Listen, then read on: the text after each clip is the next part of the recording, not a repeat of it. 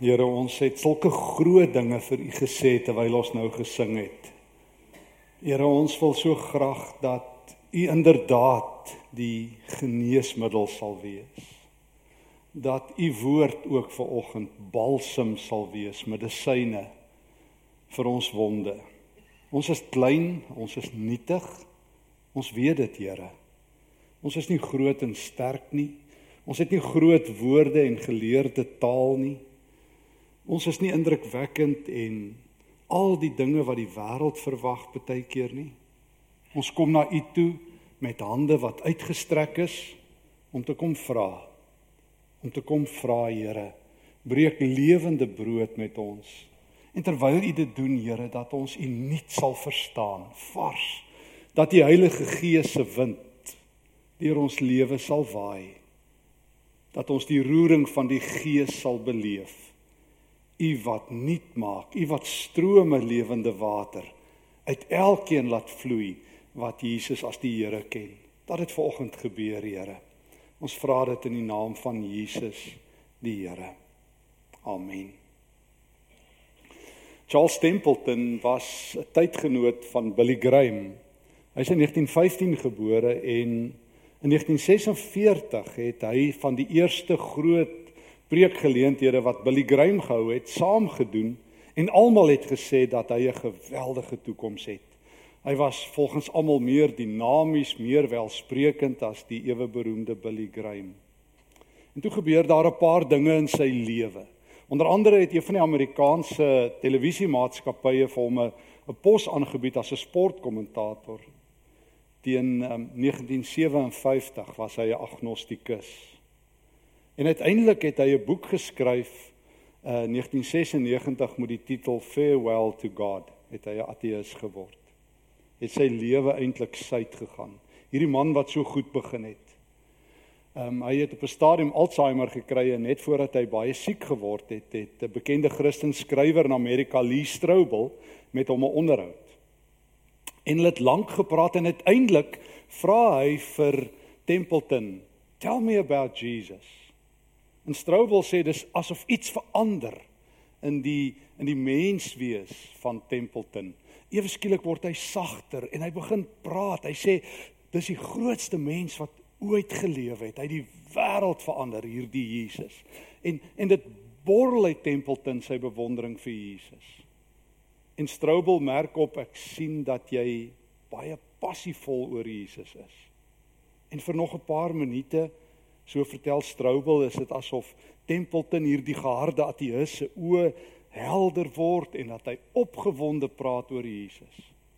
En uiteindelik in een oomblik van swakheid laat sak hy sy kop en hy steek sy hande op om sy oë te verberg vir vir Strobel en hy kyk af en hy begin huil en hy sê I miss him. I miss him. En kort daarna ruk hy homself bymekaar en hy sê enough of that en hy gaan aan met die gesprek. En toe sy kort daarna dood. Baie mense mis Jesus.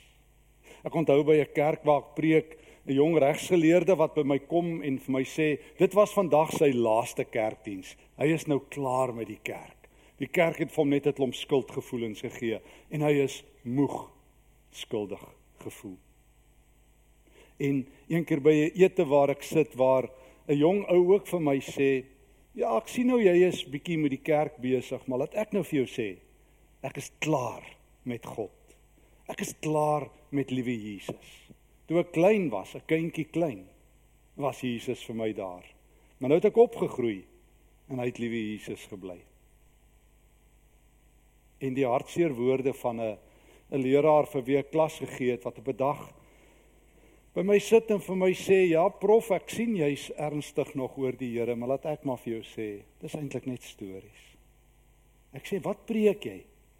Hy sê, "Ag, ek preek maar hier en daar, ek gee maar vir mense suikerklontjies wat hulle wil hoor."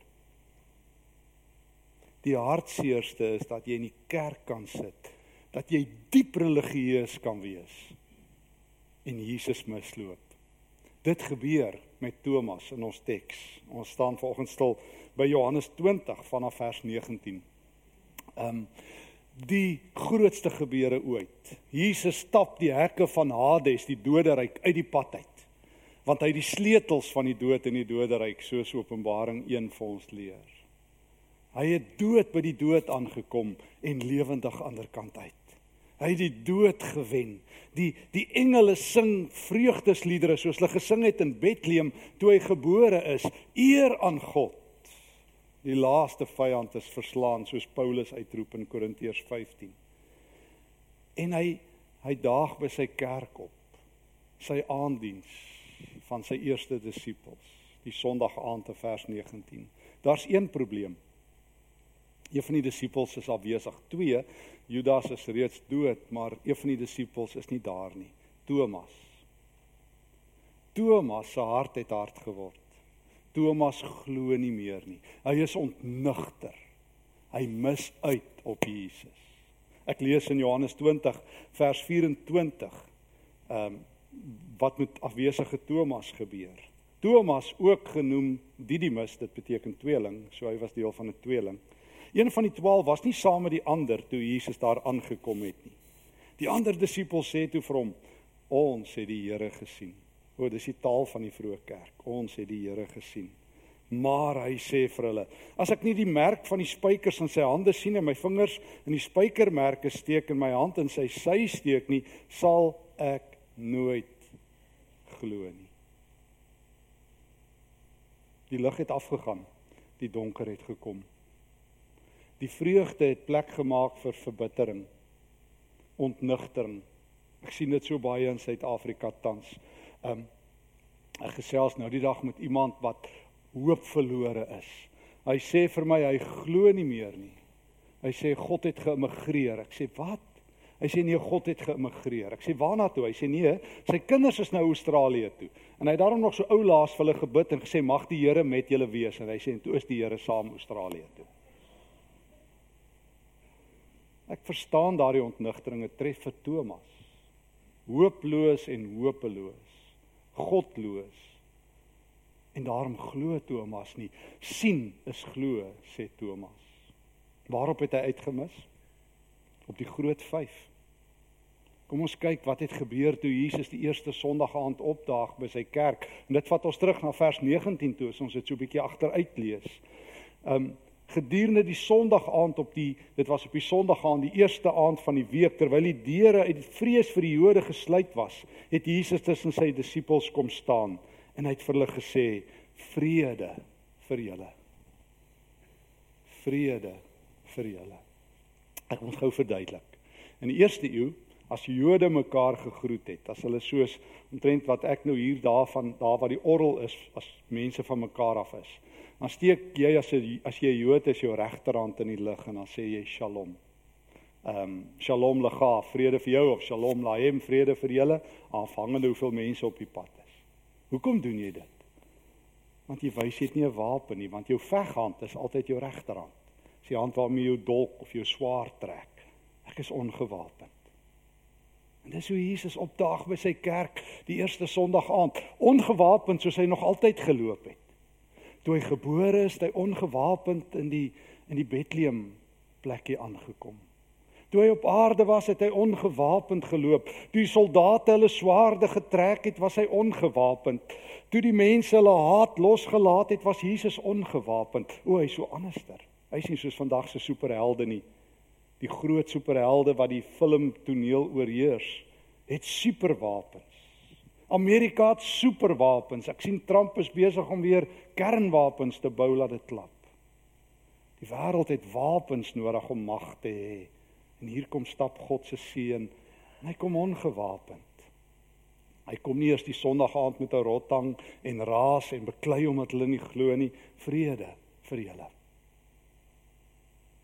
Jy kan nie vrede hê as jy bang is nie. Bang mense ken nie vrede nie. Vrees en vrede sluit mekaar uit. In Suid-Afrika is daar min vrede. Daardie vrede hoor mooi waaroor die engele gesing het toe die Jesuskind gebore is in Lukas 2. Eer aan God in die hoogste hemel en vrede op die aarde. Nee nee nee, Jesus vat nie oorlog weg nie. Hy vat die oorlog tussen God en mense weg. Hy is die brug al die pad toe na God toe en terug.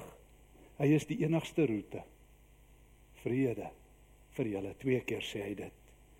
Ehm um, nadat hy sy hande in sy sy vir hulle gewys het vers 20, ehm um, het hy weer 'n keer gesê vrede vir julle, maar hy gee 'n tweede geskenk vir sy kerk daardie aand. Vreugde. Vreugde is die tweede geskenk wat die Here saambring. Vrede vir julle, maar ook vreugde. Vreugde is wat Jesus saambring. Ehm um, vreugde is nie baie gewild in die wêreld nie. Het jy ook al gehoor as iemand bly is dan sal en iemand te veel bly is dan sal mense baie bekommerd word. Daar by ons in Gauteng, as iemand te bly is dan lees hulle gou hom die beeld se voorblad, net om die vreugde af te bring. In watter land lewe jy? Jy weet my kinders daar aan die ander kant is bly, maar hier by ons, chaos. Of jy vertel net een politieke storie of jy praat net van grondhervorming of jy oom met die M van en dan kry jy net die vreugde bietjie af. Hulle sal gewoonlik vir jou sê as jy bly is, nou wat het oor jou lewe geloop? Dis 'n skok om bly mense te te sien. Dis hoekom C.S. Lewis, die groot teoloog sê, ons weet net genoeg van God af om ongelukkig te wees, nie gelukkig nie. Ek ken baie gelowiges. Ek onthou van my kinderdae af. Jy het gesukkel om 'n gelukkige Christen te sien. Ek onthou eendag toe ek so in die kerk nog iets iets opgemerk het in ligte lei met 'n oom my ernstig kom vermaan dat ek dit kan gewaag het om in die kerk te lag. Sê ek ag oom ek het maar Martin Luther gelees. Hy het gesê God moet 'n humor sin hê want hy het mense soos ons gemaak. Die grap is eintlik op ons. O Jesus is die is die koning van die hemel wat met vreugde gesalf is, vertel Hebreërs 1 vers 7 tot 9. Hy is die vreugde koning. Waar Jesus is, maak vrees plek vir vreugde. Die disippels is baie goed daarmee nie. Jy onthou daar in in Markus 14 toe, Matteus 14, ekskuus, toe Jesus op die see geloop het. Hulle skrik, hulle boeglam, hulle dink dis 'n spook letterlik in die Griekse fantasma. Dis van daai geeste wat uit die onderwêreld uit opkom. Dit's om vreeslik, né? Jesus loop op die see. Die Here is op pad na sy kerk toe en hulle sê spook, spook. Jy moet God nooit met 'n spook verwar nie. En Petrus loop so rukkie op die water en toe trap hy die water stikkend en daar gat hy onder en Jesus haal hom uit en hy sit hom in die boot en toe Jesus in die boot is, toe gaan hulle oë oop. Toe het hulle voor hom neergeval en hom aanbid toe was daar vreugde. Op 3 Februarie 1943 word 'n uh, Amerikaanse skip, die SS Dorchester, uh, getorpedeer deur 'n Duitse uh, duikboot. En terwyl die skip aan die sink is, is is daar 'n uh, kapelaan aan boord, George Fox. En en hy reël dat al die soldate of al die matrose reddingsbaadjies kry. En uiteindelik al die reddingsbaadjies uitgedeel en een matroos kom na hom toe gehardloop en sê sir I cannot swim. En vir 'n oomblik staan Fox en dink en hy trek sy eie reddingsbaadjie uit. En hy gee dit vir die soldaat. En hy weet hy's dood. Daar was drie ander kapelane aan boord en hulle doen dieselfde. En een van die oorlewendes vertel dat terwyl die skip gesink het, het hy gehoor hoe sing die um, vier kapelane nearer my God to thee en het hulle gebid vir die wat sink. Want jy sien die Here het opgedaag met sy vreugde. En ewe skielik is die donker nie meer so donker nie en die lig helderder. En ewe skielik is die pyn weg. Jesus bring nog iets as hy opdaag. Daardie eerste Sondag aand. Hy hy bring sy vrede. Hy bring sy vreugde en dan bring hy 'n sending daarmee saam. Hy bring 'n sending hulle was baie bly toe hulle die Here gesien het. Um en dan sê hy vir hulle in vers 21 net soos die Vader my gestuur het, stuur ek julle ook. Net soos die Vader my gestuur het, stuur ek julle ook. Ek weet nie van julle nie, maar dit het my altyd lewensbang gemaak van my kinderdae af as ek iets vir die Here moes gaan doen want ek het altyd gehoor dis verskriklik moeilik en die wêreld is verskriklik donker en Christene kry dit glad nie reg nie. So ek het nie baie uitgesien nie en toe was ek nog in my KJA daar, miskien sal julle nog daai liedjie onthou. Ons het nog so 'n liedjie gesing, Jesus liefde laat my heen gaan na 'n heidenland so ver om te ly, te stry, te sterwe. En toe gaan ek net met my meisie uit en ek wil nie na Heidenland so ver gaan nie. My pa was by die lugdiens. Hy het altyd soontoe gevlieg. Ek gedink laat ek my pa stuur dat hy die Heidenland gaan. Maar ek wil ook nie luister en sterwe op daai stadium vir die Here nie. Dit was my altyd so half en as die sendelinge teruggekom het, dit dit altyd vir my gelyk asof hulle geskiet is deur twee missiele. Want dit klink vir my dis verskriklik swaar om vir die Here te leef. En nou en toe gaan lees ek die Johannes Evangelie. Dit verander my hele teologie. Nou wil ek gou vir jou 'n vraag vra. Wat het jy die afgelope jaar oor die Here nuut geleer? Wat is die een ding jy sal weet? En as jy nie weet nie, volgende is die kans. Maar wat het jy die afgelope jaar nuut geleer oor die Here? As jy niets nuuts geleer het nie, is jy saam met my in die moeilikheid want ek sukkel ook baie keer daarmee. Maar ek weet een ding van Jesus, Matteus 13. Hy sê 'n disipel wat 'n leerling geword het in die koninkryk van God is soos 'n huisheer wat altyd ou en nuwe skatte uit die Here se woord haal. So as jy niks nuuts geleer het, die oop vet, maar dis nie te laat nie, vanoggend is die dag. Kan ek sê een ding wat ek nuut geleer het die afgelope jaar? Ek kry bietjie skaam want ek moes dit geweet het, maar dit gaan maar soos met alles, ek leer dit te laat. Maar gelukkig het ek dit geleer. Ek moes verlede jaar 'n boek skryf oor genade, oor God se onbegryplike genade. En ek het gesê ek kan nie iets skryf as ek nie iets nuuts leer nie. Ek het die Bybel gelees en gelees en gelees en ewe skielik toe ek Johannes 5 lees, gaan daar vir my 'n lig aan en ek het dit al so baie in my lewe gelees en oordink en selfs help vertaal. En ewe skielik kom hierdie teks so na my toe. Wat is Jesus se sending? Weet julle dis aangrypend, hoor net. Um, ek wil net 'n stukkie lees uit Johannes 5 en dan wil ek ietsie daaroor sê. Daarom daar um, ek hoor dit is net nadat Jesus op die op die um, Sabbatdag het hy iemand um, genees daar by die bad van Bethesda en die Jode is so kwaad, hulle skeer net 'n geestelike spier of twee en hulle is woedend en dan dan dan sê Jesus vir hulle maar my Vader werk tot nou toe en ek ook. En dan is hulle nog erger kwaad. En dan vertel hy vir hulle vers 19 van Johannes 5. Ek verseker julle, die seun kan niks uit sy eie doen nie. Hy doen net wat hy die Vader sien doen. En wat die Vader ook al doen, dit doen die seun net so. Die Vader het die seun lief en hy wys hom alles wat hy self doen en hy sal hom nog groter dinge wys as hierdie sodat julle verstom sal staan. Soos die Vader dooies opwek en lewend maak, so maak die seun ook lewend wie hy wie hy wil. Die Vader veroordeel niemand nie. Hy het die volle oordeel aan die seun oorgelaat toe besef ek dit is Jesus se sending. As Jesus praat oor die hemel, vat hy jou nie na 'n troonsaal toe nie. Dit doen die res van die Bybel. Hy vat jou nie na 'n beheersentrum toe nie. Dit doen al die Christene wat vandag so bang is. Al wat Christene vandag oor God kan sê God is in beheer. Maar hulle verstaan eintlik nie vir God nie. Weet jy waartoe vat Jesus ons? Hy vat ons na sy ouerhuis toe. Hy sê ouens, ek het die beste kinderjare in die ewigheid gehad. Ek het daar in die ewigheid saam met my Vader gebly in die grootste mooiste familiehuis. Ek het my Vader se hart leer ken. En dis 'n hart propvol liefde. En toe kyk ek so na my Vader se wêreld, toe sien ek hierdie wêreld is pikdonker. Johannes 1. Hulle het my Vader se hart gelos en ek het gesien dit het my Vader se hart gebreek en toe sê ek vir hom ek sal die familie gaan herstel. En dis hoekom ek gekom het sê Jesus. Ek het gekom want ek weet een groot ding van my Vader se huis Johannes 14, daar's baie plek. En ek het gekom om om mense te nooi om te kom bly by my Vader vir altyd. Ehm um, en daarom het ek gekom as die weg en die waarheid en die lewe en die wie in my glo familie van God. Geen wonder nie dat 1 Johannes 3 vers 1 sê kyk watter liefde die Vader aan ons bewys het. Hy noem ons kinders van God. So dis die derde groot ding wat Jesus kom doen. Hy kom as hy opdaag by sy kerk dan sê hy vrede. Hy doen 'n tweede ding, hy sê vreugde. Hy sê 'n derde ding. Ag ouens asseblief, ek soos die Vader my gestuur het om sy huis groter te maak. Wil julle dit nie net my kom help daarmee nie? Wil julle my nie net kom help? Daar's nog plek. Wil julle nie net vir die wêreld gaan leer?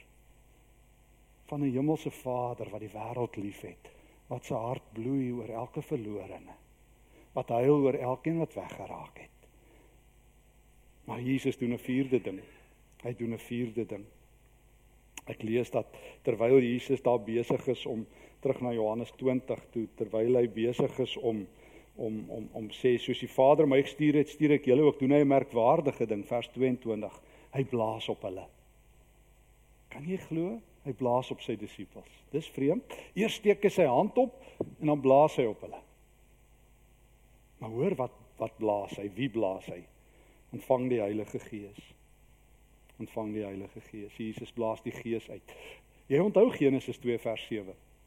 Toe God die mens gemaak het, die eerste mense gemaak het, die man gemaak het daar in Genesis 2, wat het God gedoen? Hom gevorm uit uit die boogrond Adama en en uit die klei. Dit is my altyd so mooi. Gaan kyk bietjie daai beeld. Wat wat kry jy as jy as jy as jy as jy met boogrond en en bietjie water besig is? Kry modder. So dis hoe God die eerste mens maak, maar toe blaas God sy lewensasem op die mens uit. En toe sit 'n lewende wese.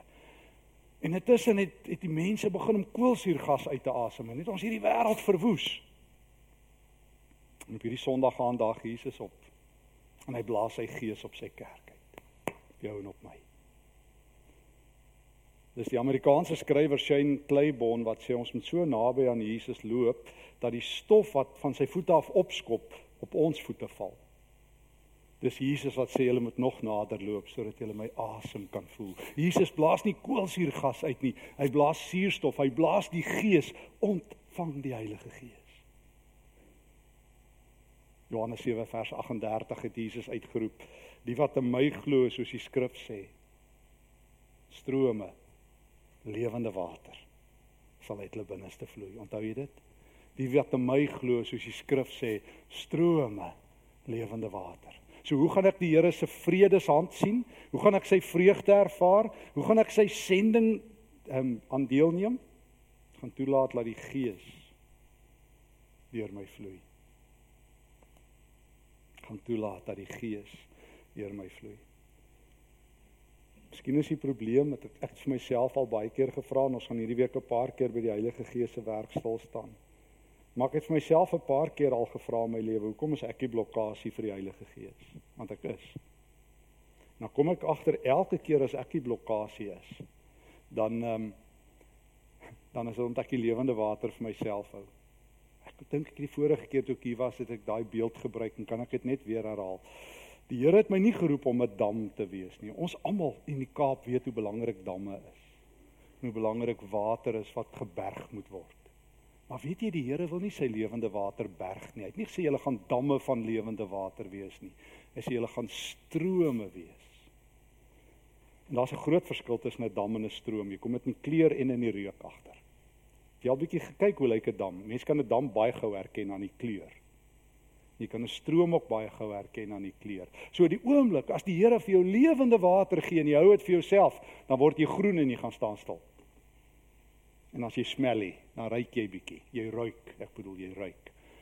Jy ruik baie Christene as die lewende water nie weggee nie. So daarom blaas Jesus op sy kerk. En hy blaas 'n tsunami los. Kyk net waar is die kerk in die wêreld? Blaas ons die wêreld vol. Is dit nie aangrypend wat Jesus doen nie? Hy daag by sy bankkerk op wat die kerk se deure gesluit het. Daar's seker so bordjie op die eerste aand by die kerk, net bangbroeke welkom.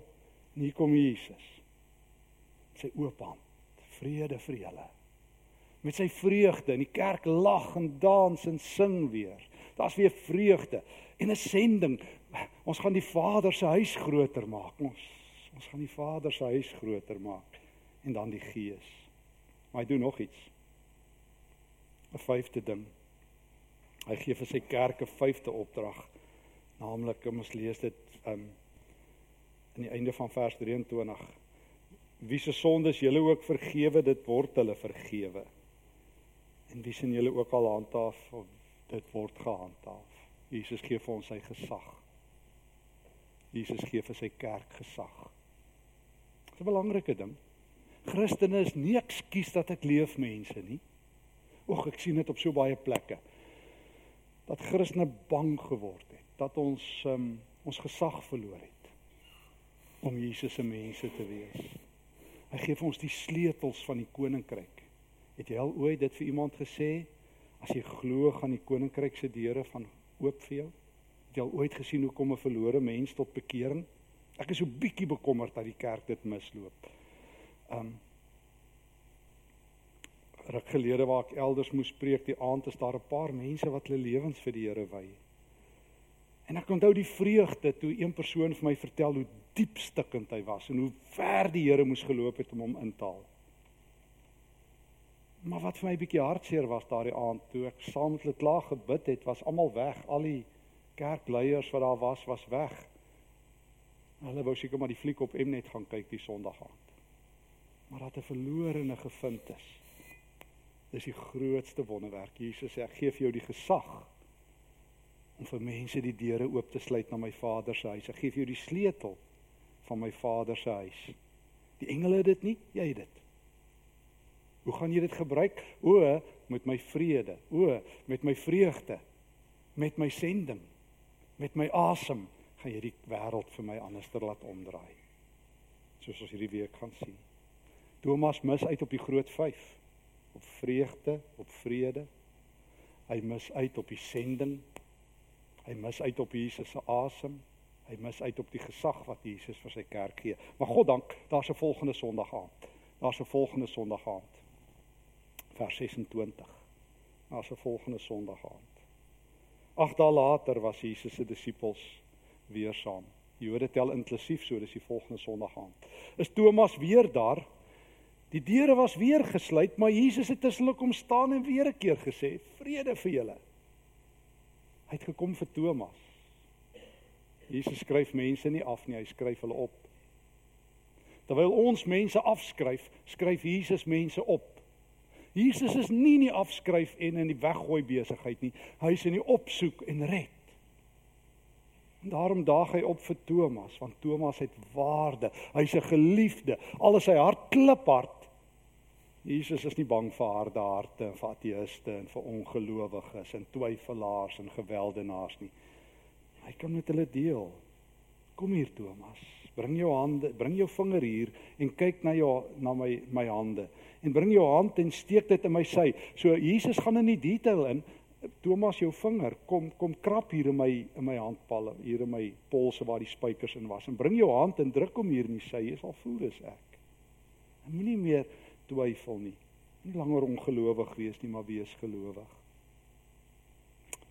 My Here en my God, roep hy uit soos wat Johannes Evangelie begin het, soos ons later sal sien in die week. My Here en my God, as die disippels in Jesus vasloop, as 'n dooie Jesus sien, my Here en my God, dan val hy neer. Here, dis U. Dis U. Almal van ons ken waarskynlik Openbaring 3 vers 20. Kyk, ek staan by die deur en ek klop. Weet jy daai teks is nie 'n evangelisasie teks nie, moet mooi gaan kyk. Dis nie 'n teks dat Jesus sê hy staan en klop aan ongelowiges nie. Dit sekerlik ook, maar hy sê dit vir 'n gemeente. Hy sê dit vir die gemeente van Laodicea. Ek is nie meer by julle welkom nie. Ek klop. En net julle kan oopmaak want daar's nie 'n handvatsel waar ek klop nie. Ek kan net klop. En as ek as as julle oopmaak, wil ek saam met julle kom eet. Thomas, ek wil Ek wil my hand bo jou uitsteek en sê God se vrede is op jou. Die geveg is verby. Ek wil ek wil jou laat dans en sing in hierdie wêreld waar mense net huil en kla en murmureer. Ek wil jou laat vreugde ken. Ek wil my Vader se sending wat ek het joune maak. Ek wil ek wil so naby aan jou wees dat jy my asem voel. My Here en my God.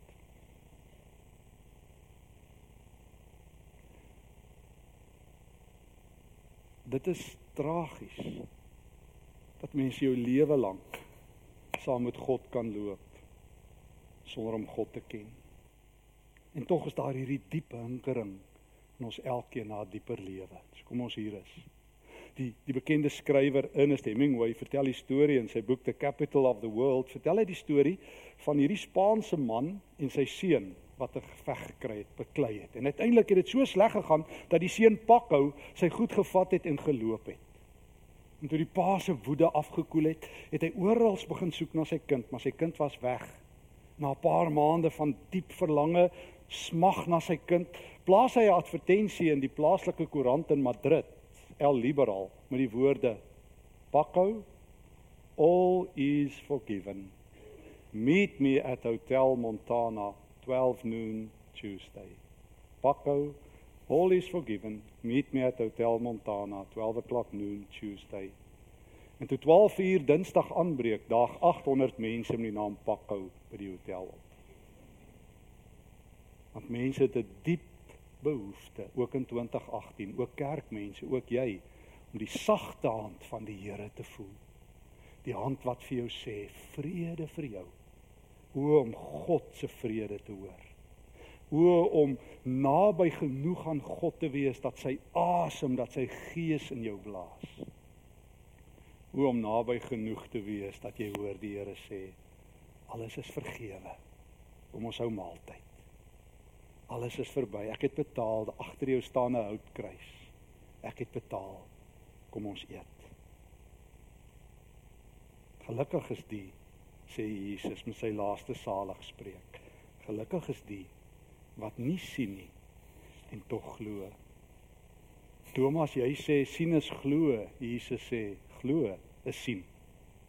Thomas, jy sê jy sal nie glo tot jy sien nie. Jesus sê jy sal nie sien nie totdat jy glo. Totdat jy glo, miskien is dit die probleem. En daarom daag Jesus volgend op hier. Want hy weet hoeveel ongelowige Tomasse maar by ons almal is. Hy weet dat ons elkeen dit is. Hy wil graag fees hou. Hy wil graag klop en die deur oopmaak. Hy wil graag hierdie strome lewende water oor jou laat loop.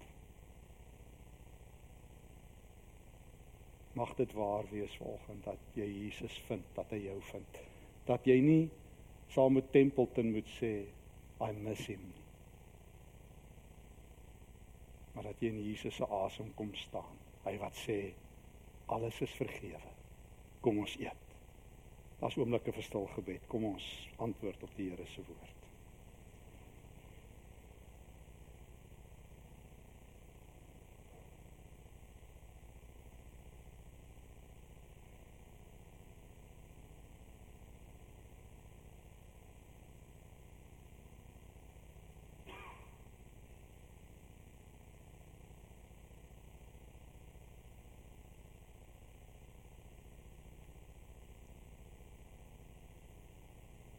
Here, dankie dat U my kom opsoek het. Dankie dat U nog 'n keer my ingeloop het. Dankie dat U nog 'n keer my nie afgeskryf het nie, maar opskryf in die genadeboek. Here, ek skryf U so baie kere af. Ek hardloop weg.